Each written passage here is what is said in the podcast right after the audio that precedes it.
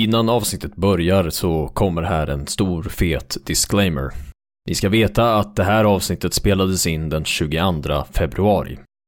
Det är alltså två dagar innan Rysslands invasion av Ukraina och en dag efter att Vladimir Putin erkänt Luhansk och Donetsk. Så om vissa av referenserna känns utdaterade är det därför.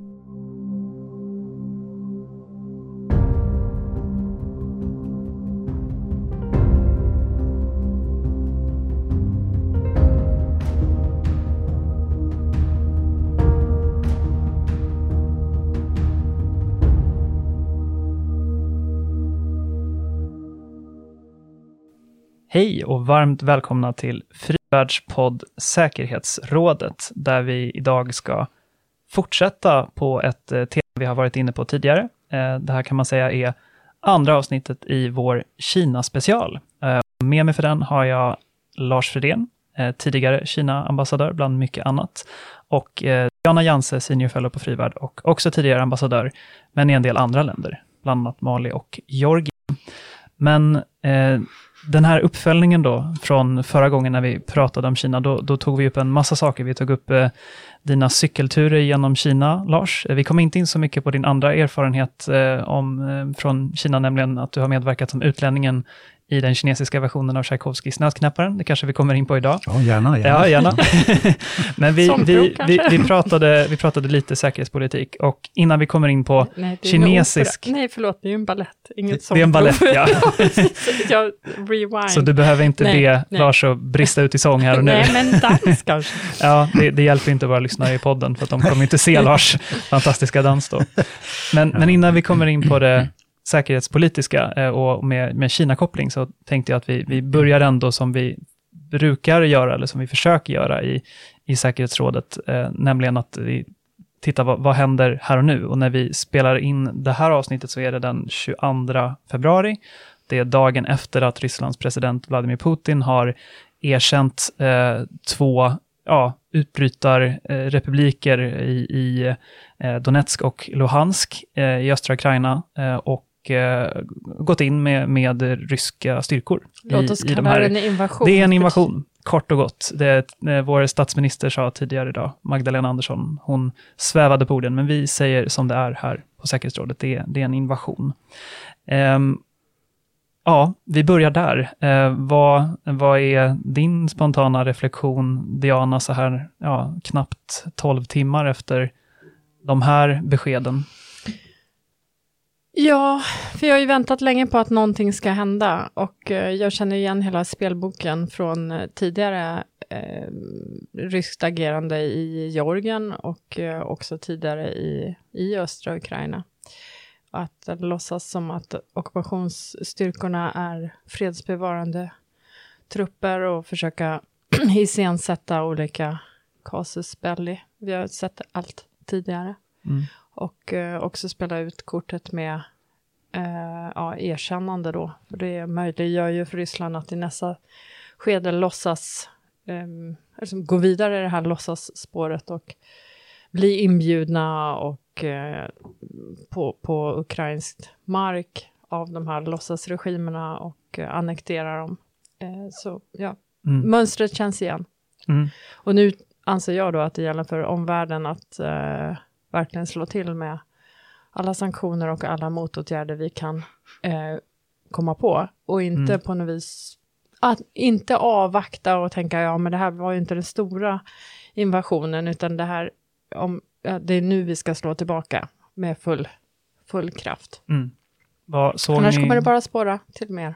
Såg ni Putins tal igår? Nej, jag har bara hört det refereras. Ja, eh, eh, ni kanske har sett eh, det här spektaklet annars med med ett annat säkerhetsråd eh, också, med, där Putin sitter då vid ett stort eh, bord. Han sitter väldigt långt från eh, sina, ja vad ska man säga, medarbetare eller snarare undersåtar. Och det, det var ju en, tyckte jag, jag, jag pratade tidigare med en person som jämförde det här med när Putin eh, tillkännagav eh, annekteringen av Krim 2014. Då var det ju en helt annan stämning det var förvisso inte pandemi, men då var man i en stor sal och det var fullsatt och folk applåderade och Ja, det, det var en, en helt annan Mm. eh, liksom, triumfatorisk stämning. Medan igår så var det som att till och med eh, FSB-chefen, alltså chefen för ryska underrättelsetjänsten, Narushkin, verkade ju eh, ja, eh, blev ju pressad av Putin. Eh, och eh, det, det var intressant att se att de som jobbar närmast Putin verkar nu till och med vara lite, verkar vara rädda för honom. Ehm, men ehm, ja, det är några spontana reflektioner från, från igår. Ehm, men för att komma till, till det huvudsakliga ämnet för, för podden då. Eh, en sak som slog mig när Putin erkände de här utbrytarrepublikerna, det var ju att det här är ju någonting som, som Kina kanske inte kommer att jubla över. Eh, Kina har ju sina, sina egna eh, liksom interna ja, men problem här har haft och har ju regioner och så som eh, man inte vill ska få större självständighet. Så vad, vad, vad tror du Lars att man ser från kinesisk horisont just nu? Hur traktar man det här skeendet? Eh, lite besvärad tror jag att man är. Mm. Det är lite, lite brutalt, det är väldigt ryskt. Ja, Ehm, och så ser man då faran för att det ska bli parallellfall till ehm, att någon skulle erkänna Tibet eller Xinjiang eller, eller att ehm, eller Taiwan naturligtvis. mm. Fler än, än som gör det. Det finns ju ett antal småstater som erkänner Taiwan faktiskt. Mm. För det, det var, vi pratade om det lite innan vi började inspelningen, att Kina i, i FNs säkerhetsråd igår på ett Mm. extrainkallat sammanträde där Ja. de, de eh, intog en mer, ja den här li- linjen, nä, nästan som att man vore neutrala, att man Mm. eh, ställer sig och säger att nej, men nu manar man till lugn och försoning, eh, snarare än att, att man hejar på den här ryska invasionen. Just det. Eh, Kina har ju inte erkänt eh, inkorporeringen utav eh, Krim Nej. Nej, Eller Kosovo, eller eller Kosovo. Sydossetien eller. Abchazien Just det. eller Mm. någonting annat av Mm. någon betydelse. Mm. Nej. Ja.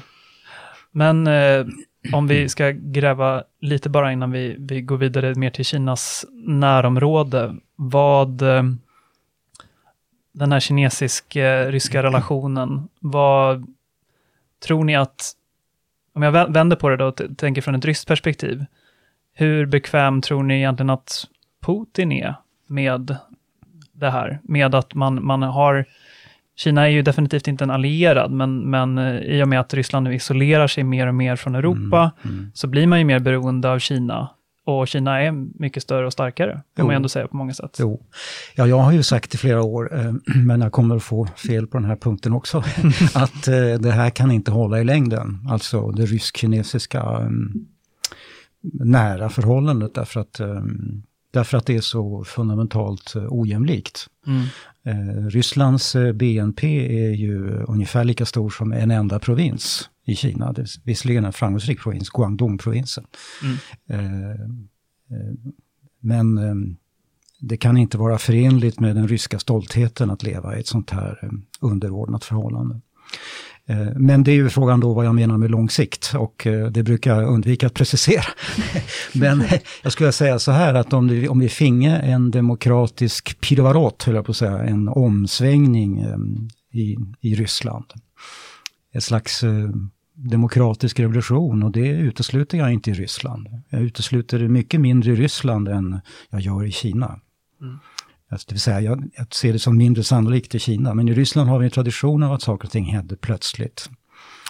Och dessutom är det ju, ett, är det ju fundamentalt är det ju ett europeiskt land Mm. eh, som har eh, en mycket större kulturell emfas.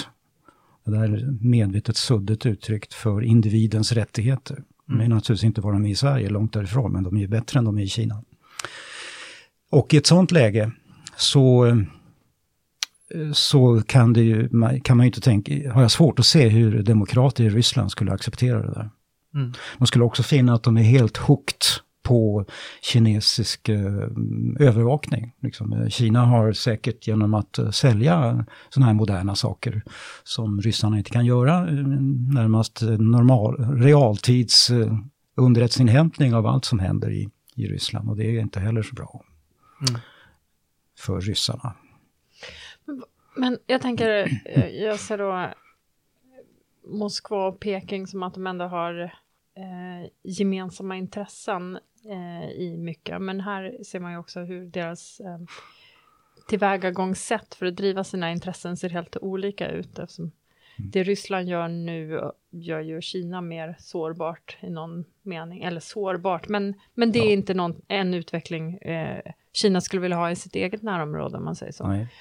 Men kan man ändå tänka sig att Kina drar nytta av den här situationen nu och det faktum att Europas och USAs då framförallt ögon vänds mot, mot Ryssland och Ukraina och i, ja, skapar det något annat handlingsmanöverutrymme i Sydkinesiska sjön eller riskerna jo. för Taiwan? Liksom hur, ja, hur, syd, hur, hur, ser man den här, hur ser den här kopplingen ut? Ja, i Sydkinesiska sjön, ja.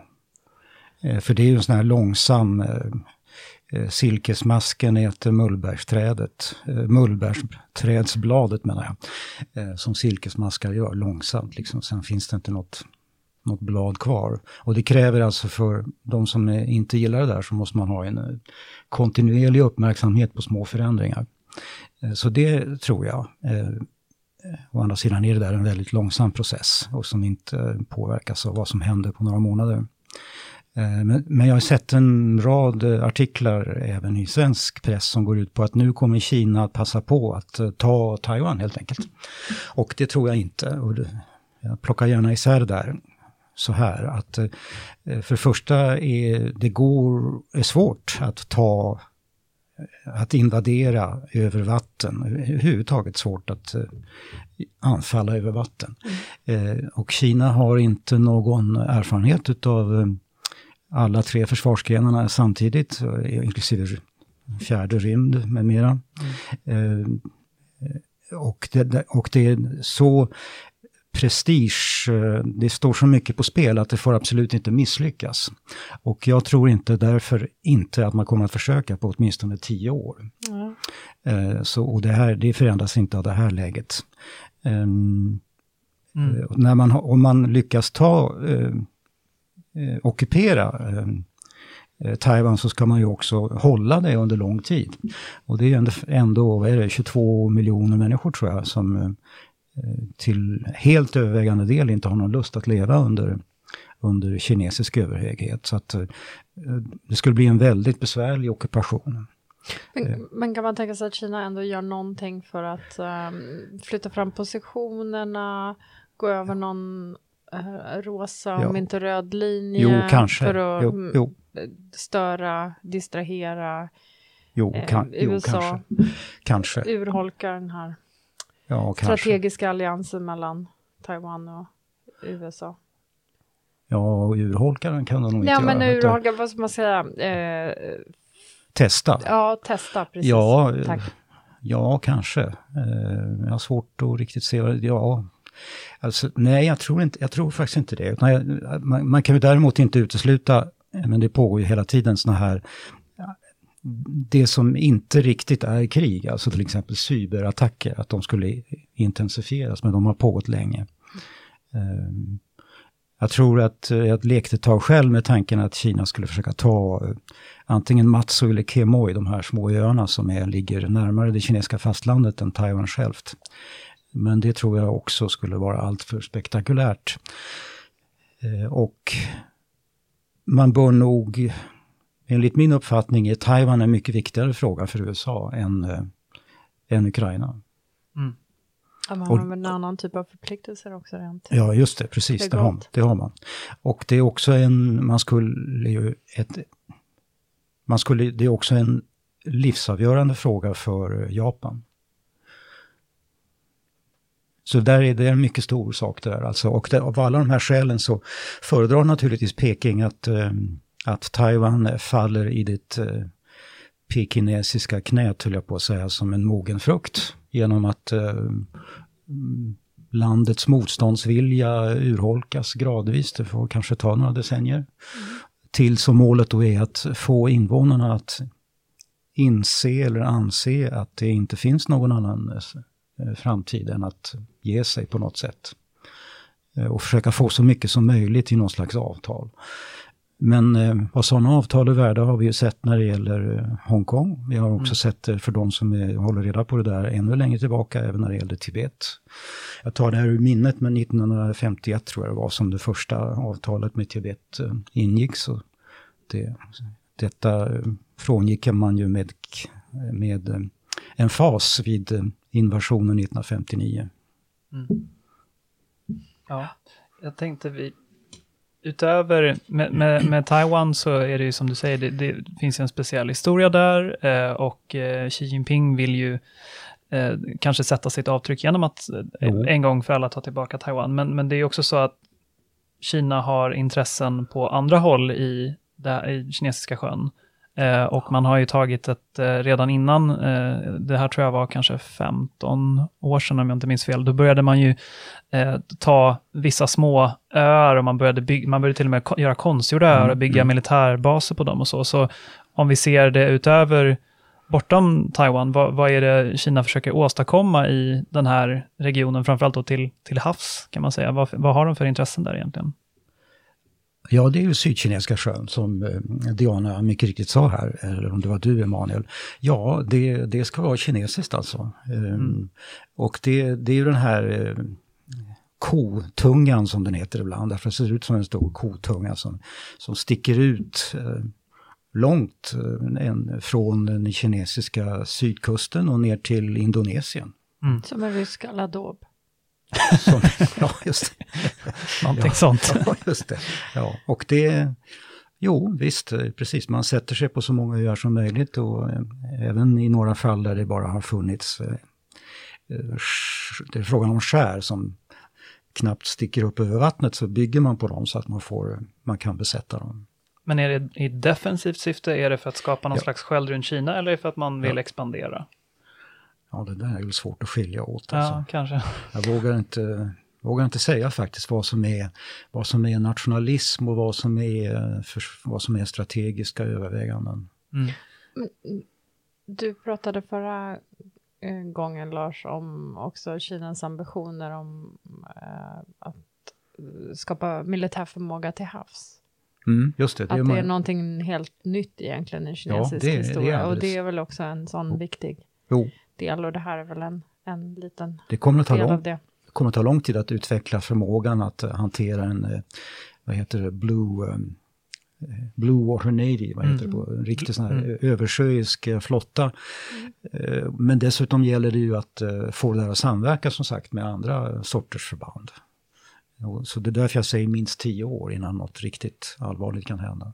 Mm. Men det kanske jag inte sa förra gången, men om, man, om någon frågar mig vad den kinesiska strategin, den militära eller vad ska jag säga, säkerhetspolitiska kanske man ska säga, strategin går ut på så är det ju att eh, flytta eh, säga, gränsen mellan amerikansk och kinesisk intressesfär långt mera österut än den är nu. Mm.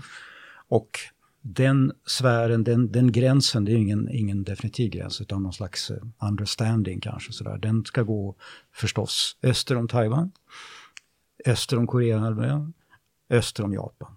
Mm. Hur, hur, stor del tycker du att den här Belt and Road Initiative är en del av en, ja. den, en militär ja. strategi och hur mycket är det en ja. ekonomisk? Eller går det ens att skilja åt? Ja, nej det går inte att skilja åt. Det där, alltså, det där var ju ett sånt där nästan en UFO under min tid som ambassadör. Vad är det här egentligen? och eh, det började ju så, jag ska försöka vara kort, men det började ju som ibland händer i kinesisk politik. Presidenten håller ett tal, uttrycker sig och det var väl 2013 tror jag han höll det där talet någonstans i Kazakstan tror jag det var. Om jag inte blandar ihop. Och, eh, och så gick vi då upp eh, på utrikesministeriet snabbt efteråt och frågade vad är det som händer, hur är det här tänkt och sådär. Och det visade sig att uh, byråkratin visste, visste inte, inte, det. Men, utan det var deras uppgift att uh, förklara för världen, uh, möjligen också för generalsekreteraren själv, vad han själv hade menat. Mm. Men, eh, Påminner lite om den feministiska utrikespolitiken ja, faktiskt, ja, som snabbt fick försöka fylla med innehåll. Ja, ja, mina läppar är förseglade. Internt diplomatskämt här. ja, just det. Um, men um, alltså en del av det där är ju att, är att, tror jag, att Xi Jinping vill ha ett nytt projekt, alltså som är som, som var hans. Eh, men jag ser det som eh, en, eh, numera, om det finns en mening med det, om det kommer att lyckas, så ser jag det som en försäkringspremie. Just därför att det kan bli rörigt i Stilla havet öster så gäller det att se till att Kina kan sälja och köpa saker med Europa över, över land. Mm. Mm. Ja. ja, precis. Det är lite olika riktningar där. Det är, Belt and Road är mer västerut från Kina sett. Ja, just det. det, eh, bort mot Europa. Ja. Eh, ja, vad jag aldrig begrep i Mali, de, där Kina ändå var ganska aktivt eh, och, och investerade i en bomulls och textilfabrik och Eh, det var vad, vad deras intressen där var. Eh, och huruvida det var en del av någon större Afrikastrategi. Och, eh, det skrevs ju väldigt mycket eh, ett tag om hamnarna som eh, kineserna mm. hade köpt in sig i eller mm. slutit olika avtal med kuststaterna längs hela Afrikas kust för att kunna, inklusive då också lägga till med militära fartyg. Men Mali är ju Mali har ingen hamn. Mali är inte viktigt ur den aspekten, men ändå var man var Kina ändå väldigt aktivt där. Ja, alltså, det var ingen riktig fråga, men det var Kina har, fundering, för jag kunde själv inte riktigt um, förstå vad, hur det hängde ihop med någonting annat. Eh, som vanligt i Kina, multikausalt. um, eh, Kina har ända från början faktiskt, ända sedan 1949 haft en aktiv Afrikapolitik. Mm.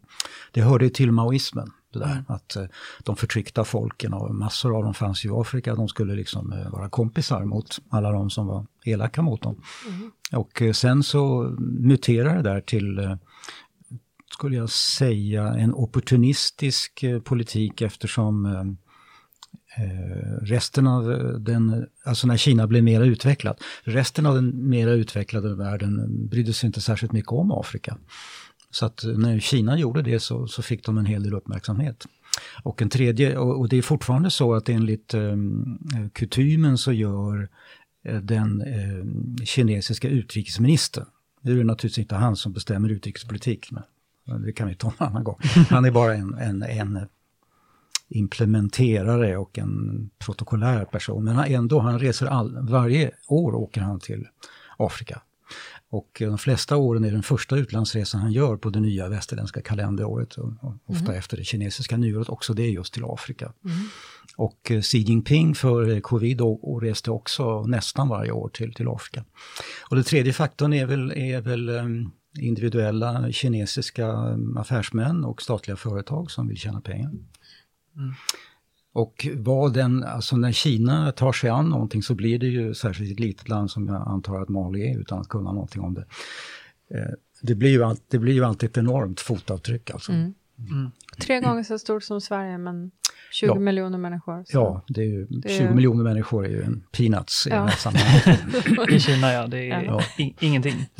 Um, jag tänkte vi skulle utveckla någonting som vi snuddade lite vid förra gången, men, men som jag tycker förtjänar mer utrymme och det, det är nationalismen som mm. drivkraft mm. i Kina. Mm. Eh, det är ju, eh, vi tänker ju på Kina som att ja, det är ett kommunistiskt parti och det sa vi förra gången att det är inte marxistiskt utan leninistiskt med allt mm. det innebär. Mm. Mm. Så det kan man lyssna på i förra avsnittet om man vill eh, blicka tillbaka på. Men hur är det egentligen med, med nationalismen i. Kina? Hur, hur använder det kinesiska kommunistpartiet nationalism och patriotism som ett verktyg för att mobilisera? Ja, det är precis vad de gör. Mm. Men det har de inte alltid gjort. Nej. Och ehm, eh, mycket kan, alltså Mao var förstås en eh, nationalist. Men långt mindre än de nuvarande kinesiska ledarna. Det står ju fortfarande där någonstans vid Tiananmen att uh, proletärer i alla länder förenar, i alla länder förenar mm. alltså det, det, Så att han hade en hel del utav det där klassiska uh, marxistiska då trots allt. Mm. Idén att det fanns någon gemensamma intressen mellan undertryckta klasser i hela världen och att, de, att det var inte nationsgränser. Men, men efter 1989, efter Tiananmen, när partiet samlade sig efter den chocken Och när de hade gjort det i några månader så kom det ju en, mer i två år, kom det en ännu större chock, nämligen Sovjetunionens sammanbrott. Det, mm. det var det, det, värsta alltså. Värre än Tiananmen och den isolering som det födde. Så behövde ju partiet en ny eh, legitimitetsgrund. Mm. Och det är sedan dess, 1992 närmare bestämt, som eh, man kan datera, till, den, till det året kan man datera en eh, allt mer genomtänkt nationalistisk eh, propaganda. Mm. Eh, och den, den är verkligen eh, mycket säregen. Dels går den djupt, den är stark, den är högröstad och den har en speciell karaktär. Och eh, när det gäller det högröstade så ska jag nöja mig med att säga att bland de första tecknen som barn får lära sig i första klass Fast nu kan naturligtvis nästan alla kinesiska barn massor av tecken ändå därför att de har ambitiösa föräldrar. Men, men ändå, just de här tecknen kanske de inte kan. Utan den skriver läraren upp på tavlan, fyra tecken, Wu Wang Glöm aldrig nationens förödmjukelse. Mm. Och det är så att säga under detta baner som den unge eh, första klassen ska bedriva sina studier. Att man ska, man ska, man ska odla nationens förödmjukelse, man ska alltid komma ihåg den. Och vad man sen ska göra med detta, denna hågkomst, är väl att man på något sätt ska revanschera den. Mm. Och det där är ju en nationalism, men det är ju en speciell form av nationalism. Och jag har skrivit om det där och kallar det för resentimentsnationalism för att skilja det från de flesta nationalismer som är de flesta, som är grundade på en glädje över att man är de man är. Mm. Svensk gammal nationalism var ju grundad på eh, Nationalromantik? Ja, just mm. precis. Alltså dels har vi hade åstadkommit, eh, men också bokstavligt talat våra segrar alltså. Mm. 30-åriga kriget och Karl XII, han, fick, han förlorade men det var ju hjälte, hjälteartat alltså. Det är ju inte, det är ju inte kapitulationen efter, två dagar efter Poltava, som vi firar. Utan, utan det är ju alla segrarna dessförinnan, liksom vi hoppar över det här som hände sen. Mm. Eh, men i Kina så har det utvecklats en, en, det heter nog minneskultur nu för tiden, som är ver verkligen väldigt genomtänkt. Och eh, som alltså frossar närmast i förödmjukelser och eh, som Kina har råkat ut för. Mm. Och kan, kan, vi inte bara, för de lyssnarna som, som inte känner till den historien, visst brukar man sätta de här hundra åren av förödmjukelsen, ja. man brukar sätta början av det, det, det är opiumkrigen, första opiumkriget. Det. Och det, mm. då befinner vi oss 1830-40-talet. 1839 till 1841, mm. eller 42. Ja. Mm. Ja, fram till 1949, det är riktigt, så blir det ungefär 110 år. Ja. Mm. Det är alldeles riktigt, ja. Precis, nationen har genomgått 100 år av förödmjukelse. Det här säger ledarna fortfarande, sa i alla fall i de banketter som jag var med om när de ledarna höll på ett tag. Mm. Att, eh, att partiet eh, har liksom gjort slut på hundra år av eh, förödmjukelse. Men, men där alltså, och kolonialismen och eh, visst var det så. Eh, men vilka andra länder i, eller så här, alla andra länder i Asien utom Japan och tror jag Thailand blev, blev, blev, blev också utsatta för kolonialismen. De flesta för mycket värre saker. Alltså hela Indokina var ju en koloni. Mm. Indien, Indone Pakistan. Ind Indien var ju i hög grad, mm. precis som Ceylon och Burma och allt det där som hörde till British India. Och eh, eh Indonesien också. Eh, och eh, det är ju inte så att eh, Indiens eh, säkerhetspolitik och mjuka makt och inrikespolitik centrerar runt hur hur förödmjukad man känner sig över det brittiska imperiet, även om har träffat många indier som känner sig förödmjukade. Men det är ju inte, det är inte själva nästan huvuddrivmotorn i politiken. Eh, och eh, här ska, nu ska jag försöka uttrycka mig kort, för det här är ett av mina älsklingsämnen. Jag har verkligen funderat mycket på det här, hur det kommer sig. Och jag har ju noterat att eh, det är inte så att det minskar. Eh, i takt med att eh, Kina blir allt starkare och når allt större framgångar, vilket de ju gör, menar, på alla möjliga områden av mänsklig strävan. Nästan alla, nästan alla faktiskt. Så är det ju eh, ostridigt att Kina bara går framåt. Nästan alla områden. Mm. Eh, men så fort jag skrapar på mentalt på ytan hos unga människor, moderna människor som har rest mycket, så kommer det här fram. Alltså en, en enorm vilja. Eh, först en uppfattning om att alla har förödmjukat Kina mm. och en uppfattning av att alla vill åt Kina. Och det sista, ingen ska lyckas med detta. Det kanske jag sa förra gången, det här är ju inte ett positivt budskap utan liksom det här vore tv så skulle jag liksom, det är sån här, man intar en sån här försvarsställning. Va? Ja. Och så biter man, gisslar man tänder och säger att här jädrarna man kommer aldrig, aldrig kunna sätta oss igen. Det är vi mot världen. Ja. Eller det. världen mot oss. Ja, världen, just precis, mm. världen mot oss ja. Och hur kommer så då detta? Ja, så ur detta springer väl bara hämnd och revansch?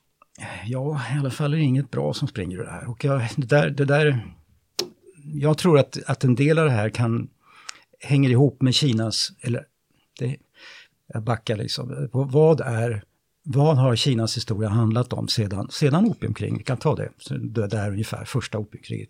Jo, det har handlat om hur ska Kina kunna passa in i en modern värld som är mer utvecklad än Kina länge var och samtidigt känna igen sig själv. Mm. Det, detta är det kinesiska dramat, så att säga. Hur ska det vara möjligt?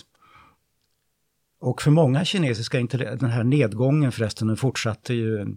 Det kom ett andra opiumkrig. Ehm, det var en eh, mycket förödmjukande, den värsta eh, nederlaget eh, utstod Kina mot Japan. Detta folkslag som tagit hela sin kultur ifrån Kina på Tang-dynastin, 600-talet, 700-talet, 800-talet. Och som fortfarande ibland kallas för de japanska dvärgarna. Alltså det, det, är ett, ett, folk som Kina, eh, många kineser fortfarande ser ner på av de här långa historiska skälen, men också naturligtvis för vad Japan gjorde under andra världskriget. Under, ja, just det. Ja, före det. Redan före mm. andra världskriget, alltså 1931 och mm. sedan den fulla attacken 1937 och ända fram till 1945. Um, ehm, jo, det förlorade man. 1894-1895 års krig förlorade man. Vad handlade det om? Det handlade om Koreahalvön. Och eh, kort därefter, från 1910, så följer den japanska annekteringen utav hela Korea. Så att, Koreafrågan som vi också kunde prata om, alltså, ja, den, den är ju den har, den har bland annat detta djupa historiska, denna djupa historiska rot. Och så försökte man Kort efteråt så genomfördes det första stora reformeringsförsöket i, Kinas historia, alltså modernisering ska säga, försöket. Mm. 1898 års reformrörelse som kollapsade efter ett år. Och så kommer revolutionen 1911. Um, och nu tappar jag tråden, men vi kan stanna med 1911, du, vad jag ska säga sen. Du men, du, men du pratar om, om den, ja, den här ja. ständiga strävan ja. efter att bli moderna, men jo. sen samtidigt inte tappa just, den där identiteten som man har. Som just väldigt... det. Och, Eller en identitet som bygger på någon slags ja, revanschkänsla och, och, och, och hård, fjädrad nationalism. Och inte då ja, ja, alltså, stolthet så mycket som revansch. Ja, som men, men, alltså att känna igen sig själv. För många kineser, inte, det här är ju en, en, en mycket stolt civilisation som ju förstås och som har inte alls är världens äldsta som ofta sägs, men som i alla fall världens äldsta på samma plats som i någon mån är igenkännbar är den ju. Eh, och med skäl länge ansett sig stå högst, åtminstone i sin region. Så att, så att så att för många kinesiska intellektuella, ända fram till revolutionen 1911 och även fortsätta, jag ska strax eh, fortsätta där, så var priset för att bli modern, det skulle, de ansåg att det skulle innebära att då skulle allt, det som verkligen var kinesisk kinesisk kultur, skulle man vara tvungen att kasta bort. Mm. Och det priset ville de inte betala. Det var därför 1898 års reformer stoppades. Mm. Um, och i den i den kommunistiska i partiets ideologi, nu kommer jag till partiet som ju grundades mm. 1921, så, så tror jag att den, och här kommer Lenin tillbaka också, den leninistiska idén om imperialismen, eh, kapitalismens sista stadium tror jag, en broschyr som han skrev 1916, som lanserar teorin att eh, de efter, tredje, som senare skulle kallas för tredje världen, hette inte så på Lenins tid. Förklaringen till att de är efterblivna var att kapitalister i liksom metropolerna hade skickat ut sina tentakler och undertryckt dem. Det var alltså inte deras fel. Och det här tror jag var en, eh, jag kan inte leda det här i bevis tyvärr, men jag, jag bara kastade ur mig här från ljugarbänken. Det här måste ha varit en, en enorm lättnad för kinesiska intellektuella. Mm. Och det är, tror jag, förklaringen till att något så konstigt som kapitalism och Marx kunde införas i den kinesiska kontexten. Därför att det gav en ursäkt. Det är inte vårt fel, det är inte vår kulturs fel. Utan vi har utsatts för ett övergrepp som vi inte kan rå för. Mm. Jag tänkte in, innan vi kommer in på, vi ska ju, eller vi, vi har lovat oss själva i alla fall att avsluta den här podden på en mer positiv not. Men eh, jag, tänk, jag tänkte innan vi, innan vi gör det, eh, så, så tänkte jag, vi, vi, borrade ju lite förra gången i, i det kinesiska kommunistpartiet och så. Och jag tänkte en, en uppföljande fråga som vi, vi kanske skulle kunna avhandla nu, det är ju det här med, eh, med Xi Jinping. Eh, och att det förekommer så en enorm maktkoncentration hos, Mm. hos honom personligen. Mm. Eh, och du, jag vet inte om du nämnde det förra gången eller om det bara var någonting du skrev här i, i anteckningarna, men om en Brezhnevifiering. Ja. Att, eh, och kan, kan du förklara vad, vad menar du med det?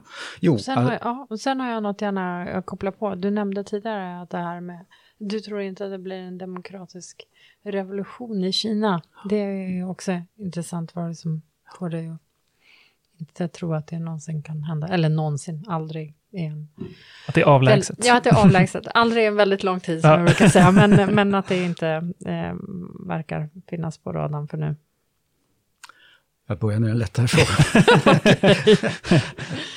ja, Xi Jinping är ju född 1953 eh, så att han kan leva länge och efter, redan nu har man gjort eh, så kallade teoretiska mm, eh, landvinningar. Man har ändrat eh, partiets teologi så att han är nu så högt eh, värderad redan nu. Kommer bli ännu mer vid partikongressen i höst. Eh, så att han kan eh, regera Kina utan att ha någon som helst post. Ja.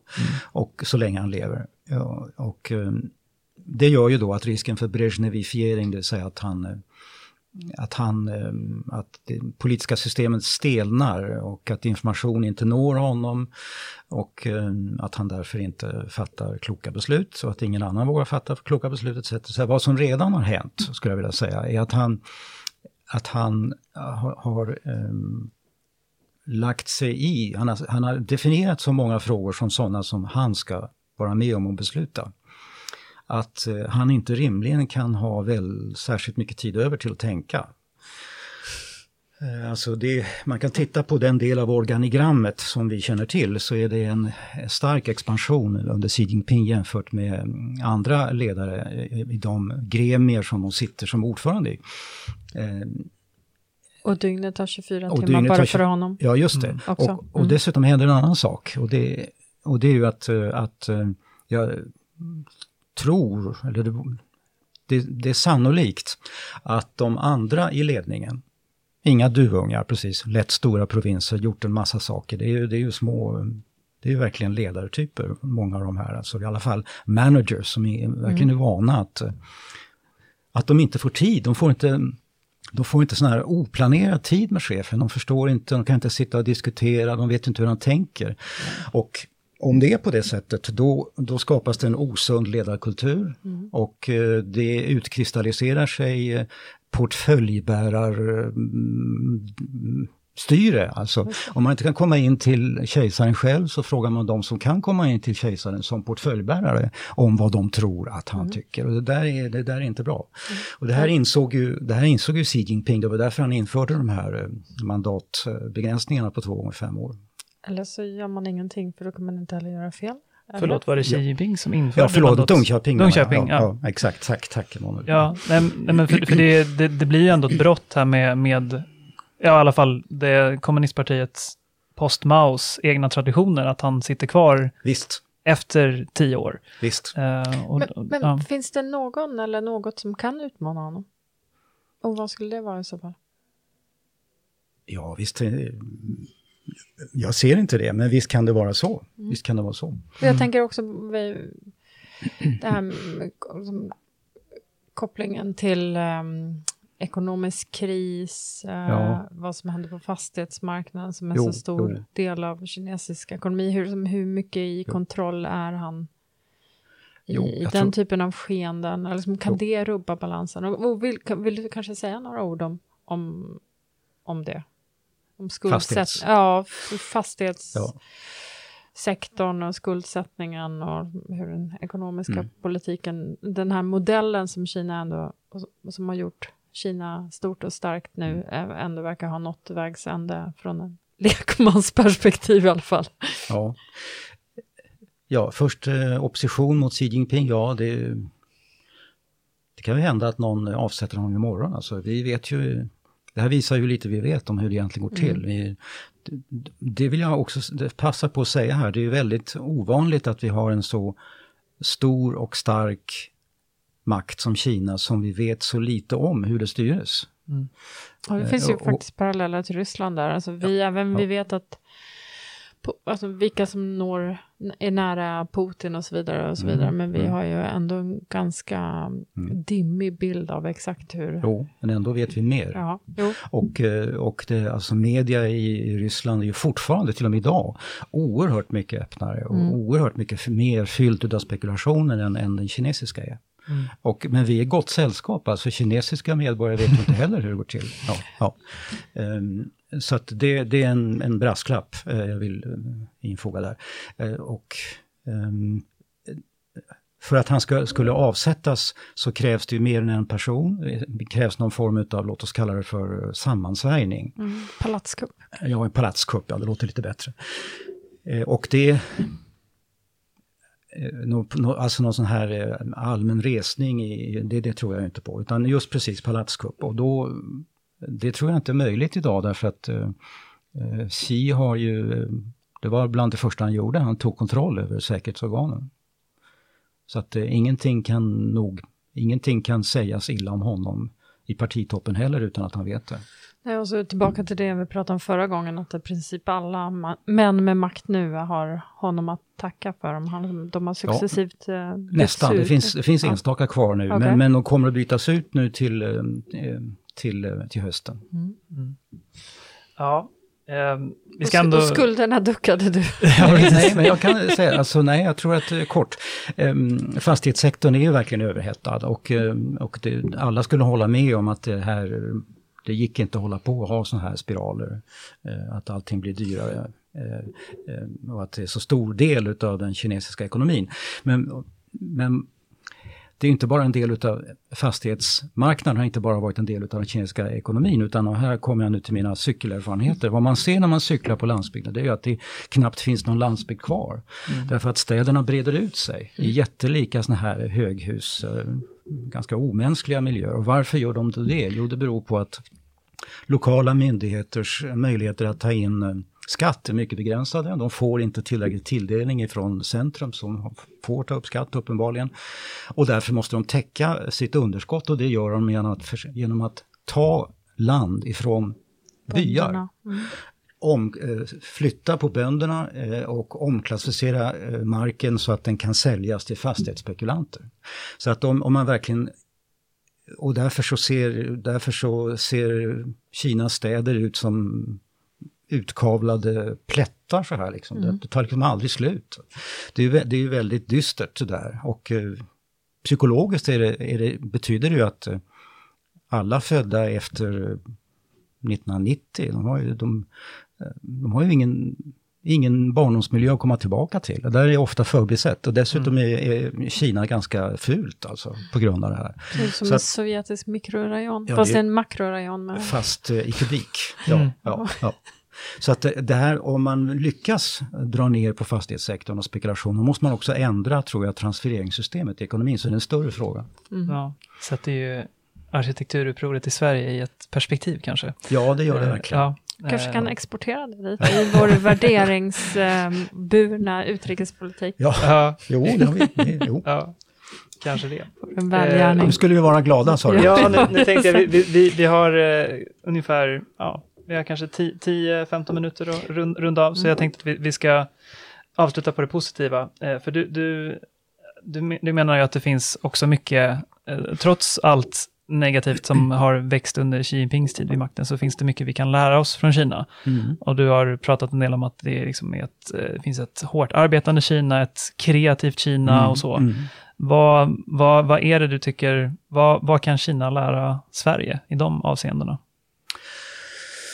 Eh, Ja, eh, just det. Eller vad har Kina lärt mig kanske jag kan Ja, säga. Får jag, säga säga. Får vara så Så egocentrisk? det, det, det kan, det, nej men det, det kanske, jag skulle säga att det är snarare en mer ödmjuk inställning att säga Ja, ja. mer specifikt ja, så. Ja, det är kanske ödmjuk och mer egocentrisk. Underbar kombination. Ehm, och varför började jag läsa kinesiska till att börja med för nu 50 år sedan? Ja, Mm. Ehm, ja det grundade sig som alla stora beslut på ett jättelikt missförstånd. Och så jag, blev kär helt enkelt i den kinesiska kulturen och det var, det, min ingång var ju det klassiska Kina. Jag säger det här för det var 1971 och eh, maoismens eh, högflod. Och eh, mina generationskamrater hade plågat mig med mm, Mao Zedongs lilla röda, denna ytterst, alltså, det är ju under, underklassiga intellektuella, det är, alltså det, det är så dåligt. En av Usch. världens mest sålda böcker. Ja, visst, jag blir så trött. Ja, jag får det där. Eh, Och det är, verkligen, det är verkligen skamligt att eh, så stor del av den svenska ungdomen på den här tiden köpte det där. Det är ver- verkligen mycket obehagligt. Och inte har det skett någon ordentlig genomlysning. Men i alla fall, det var alltså inte min, tvärtom förpestade de min ungdom. Ja, det kan vi ta i ett mer psykologiskt samtal. Men eh, det var inte det, utan det var den klassiska kinesiska kulturen och det som attraherade mig då var att eh, här trodde jag att intellektuella hade en roll, alltså den klassiska kinesiska mandarinen och sådär. Eh, och då skulle en sån här smalaxlad eh, intellektuell som jag själv kanske kunna passa in. Och, men, men sen insåg jag ju efter bara några år att det där var fel och sen så har det blivit ett ganska komplicerat äktenskap som vi nu som är inne i. Men jag kunde ju också ha skilt mig för att fortsätta den här, den här eh, Liknelsen. liknelsen, ja tack. Eh, Och det har jag inte gjort därför att, eh, eh, därför att dels ganska sent dock, var bara så här 20 år sedan, alltså, de första 30 åren var det inte sådär, men för 20 år sedan eh, så blev det ju uppenbart att Kina var väldigt, väldigt viktigt överhuvudtaget i, i världsekonomi och i världspolitik. Så det, Det blev ett resonemangsäktenskap det i blev det ett skedet. resonemangsäktenskap, ja just det precis. Men, men under de första 30 åren där utav svåra relationer så var det något annat. Och det, det är det att den kinesiska kulturen är eh, inte bara gammal och djup utan också bred. Mm. Och det finns inte så många sådana kulturer i världen som är som uppfyller alla de här rekvisiten. Ett annat är naturligtvis eh, islam. Eh, och, och, så att, men, men Kina har varit för mig en väg till självkännedom, skulle jag vilja säga, för att det inte kanske låter lite för högtidligt, men i alla fall, det är en spegel. Jag har, tror inte att jag hade kommit att bli så intresserad av tänkande om tänkande om jag inte hade konfronterats med detta så annorlunda.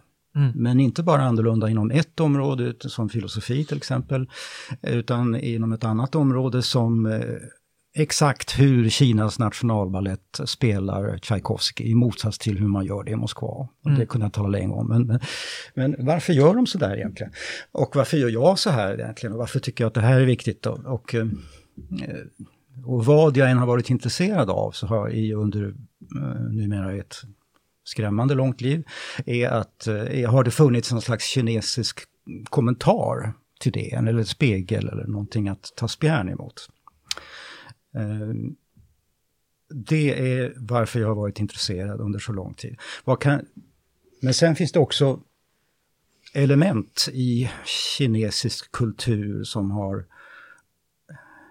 nog alltid, nej jag ska inte säga alltid, men några hundra år i alla fall, funnits där. Och som jag skulle, så det låter liksom, eh, det blir lite um, halvdant att försöka förklara det här, men det låter platt på något sätt. Men, men det är en optimistisk kultur. Mm. Det är inte, det är inte en kultur eh, där medel-Wang eh, sitter i ett hörn och känner sig kränkt Nej. och skyller på andra, utan medel-Wang eh, tänker hur ska jag kunna bli bättre? Hur ska jag kunna komma framåt här? Ja, men det är en kulturell strävsamhet, kan man säga. Exakt, strävsamhet och ett slags eh, gott humör. Mm. Eh, alltså, ja, jag tänker nu på de här bönderna jag träffar på när jag cyklar.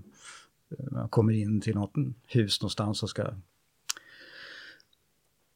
tvätta cykeln eller få någonting att dricka och man ser hur det ser ut där, eller kanske svinkallt förresten, det finns ju sällan element. Ja, det är rätt kallt här, hur har ni det egentligen? Ah, det går ju bra det här, ser. Jag ska inte klaga. Och det, det är, eh, det där är, tycker jag är väldigt um, inspirerande. Mm. Uh, Men det är en ganska bjärt kontrast då till den här nationella förödmjukelsen Ja, och jo, det är eh, revanschistiska. Det är riktigt. Och jag kan inte förklara det. Nej. Eh, nej, jag vågar mig inte på det, men du har alldeles rätt. Alltså. Mm. Eh, Jag vet också en förklaring är att Mm. det här är en grej för intellektuella, alltså det resentimentet är en grej Mm. för intellektuella, men bönder bryr sig inte om såna här saker, Mm. utan de lever ju bara. Mm.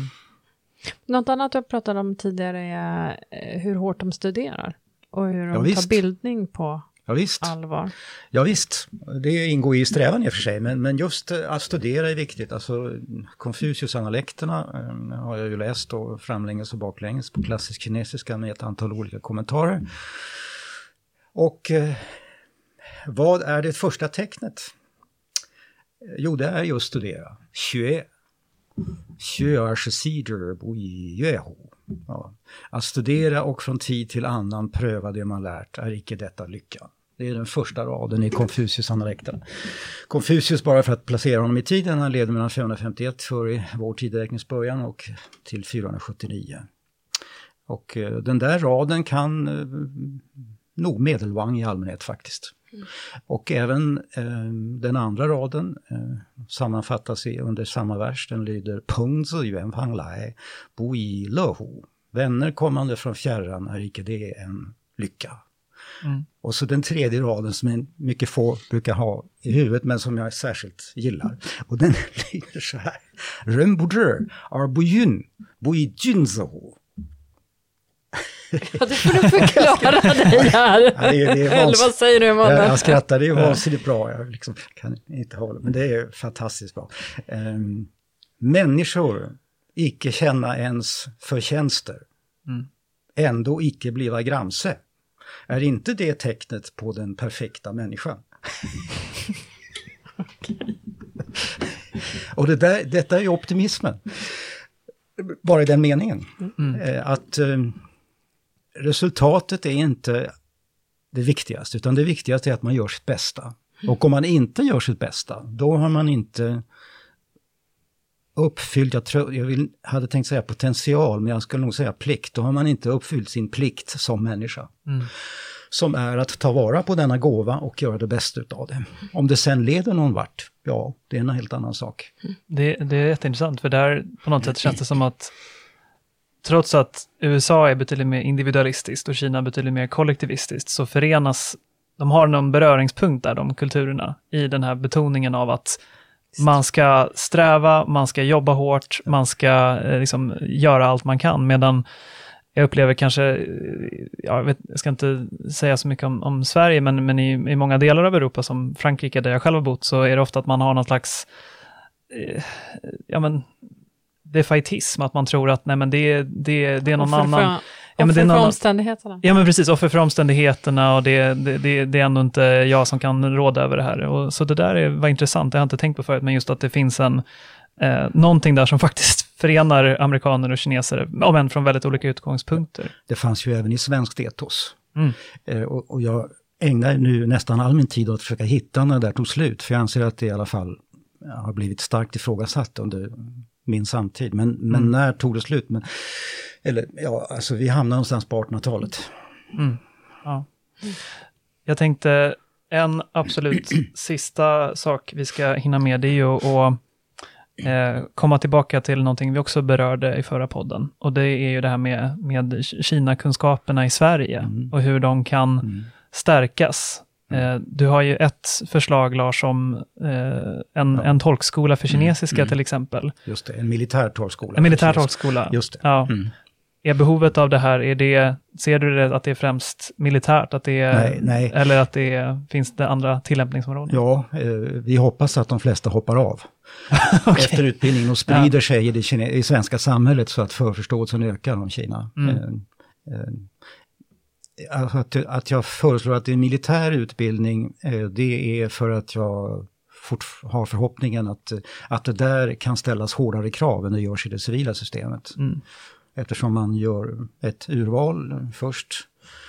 Istället för att ta emot alla som anmäler sig som man gör på humanistiska fakulteter i det civila systemet och att man sen avskiljer de som inte passar för- utbildningen efterhand, Mm. som man gör i andra elitutbildningar. För att eh, kinesiska, det här sa jag förra gången också, men alltså det, det är inte...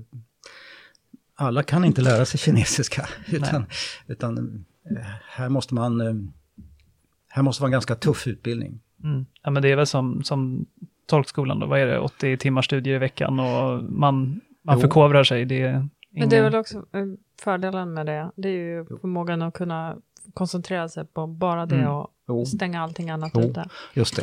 Och det här måste man nog göra, skulle jag säga, när man kanske precis har gått ut gymnasiet och inte har massa andra förpliktelser. Precis så. Mm. Precis så. Och när hjärnan fortfarande är spänstig. Exakt. Just ja. Precis. Ja. Men, men utö utöver det, finns det någonting, eh, finns det någonting annat? Jag menar, det, det, det, det viktiga är ju först och främst att bygga den här kritiska massan, Mm. men eh, Mm. hur, hur kan vi liksom, i Sverige sedan tillägna oss de kunskaperna? Jag tänker till exempel på utrikesdepartementet som ni båda har varit på. Hur, Mm. hur sprider man den i en sån institution? När kunskapen förhoppningsvis då finns. Oh, det här hade ju varit eh, toppen om UD hade fler sinologer. Ja, Eh, För det är ju en bristvara. Eh, Det vet ju du mer Mm. om. Men Mm. ja, risken är väl att vi då, eftersom vi alla är, eh, ja, vad heter det? ni alla är statsvetare och Nej, Rysslands... nej, nej, jag, jag, söker ordet, ehm, vi ska passa in överallt i organisationen. generalister. Tack! Ja. Vi ska alla vara generalister, så hamnar man som Mm. sinolog kanske och stämpla pass i Mm, Santiago de Chile, men ändå. Mm. mm, Vi har ett, även om vi hade ett antal sinologer, eh, och vi får ju allt fler faktiskt. Mm. Flera gamla praktikanter från min tid som ambassadör är jag stolt att kunna, mycket hög träffprocent, har gått vidare till att bli riktiga diplomater så att säga. Mm. Vi hade jättebra praktikanter på ambassaden i Peking. Ehm, jo, eh, det andra problemet, även om man har folk som kan kinesiska organisationen, det är ju att beslutsfattarna tar till sig vad de säger. mm. Och eh, Det gäller ju oavsett. Det gäller oavsett. Ja, det gäller oavsett. Men här, det, exakt, det gäller oavsett. Eh, Men här finns en eh, uppenbar, eh, jag, ett hinder att hoppa över för de flesta beslutsfattarna och det är att verkligen begripa hur kinesiska kommunistpartiet tänker. Men Jag tror också en, eh, kinesiska verkar så komplext och eh, ja, många språk, ska man komma, komma till en viss nivå så måste man hålla på en lång, lång tid. Och ett problem är ju någonstans att vi, vi har inte en tradition av, som till exempel Ryssland har, att man, eh, man stationeras om och om Mm, och om i mm. samma land, allt eftersom man stiger i graderna och Mm. ändå är man ambassadör där. Ehm, och eh, ja, och då komma som andra ambassadsekreterare till Peking och sen, sen vara ute ur det. Och, som, och få en boost om man nu Mm. kan grunderna när man kommer dit.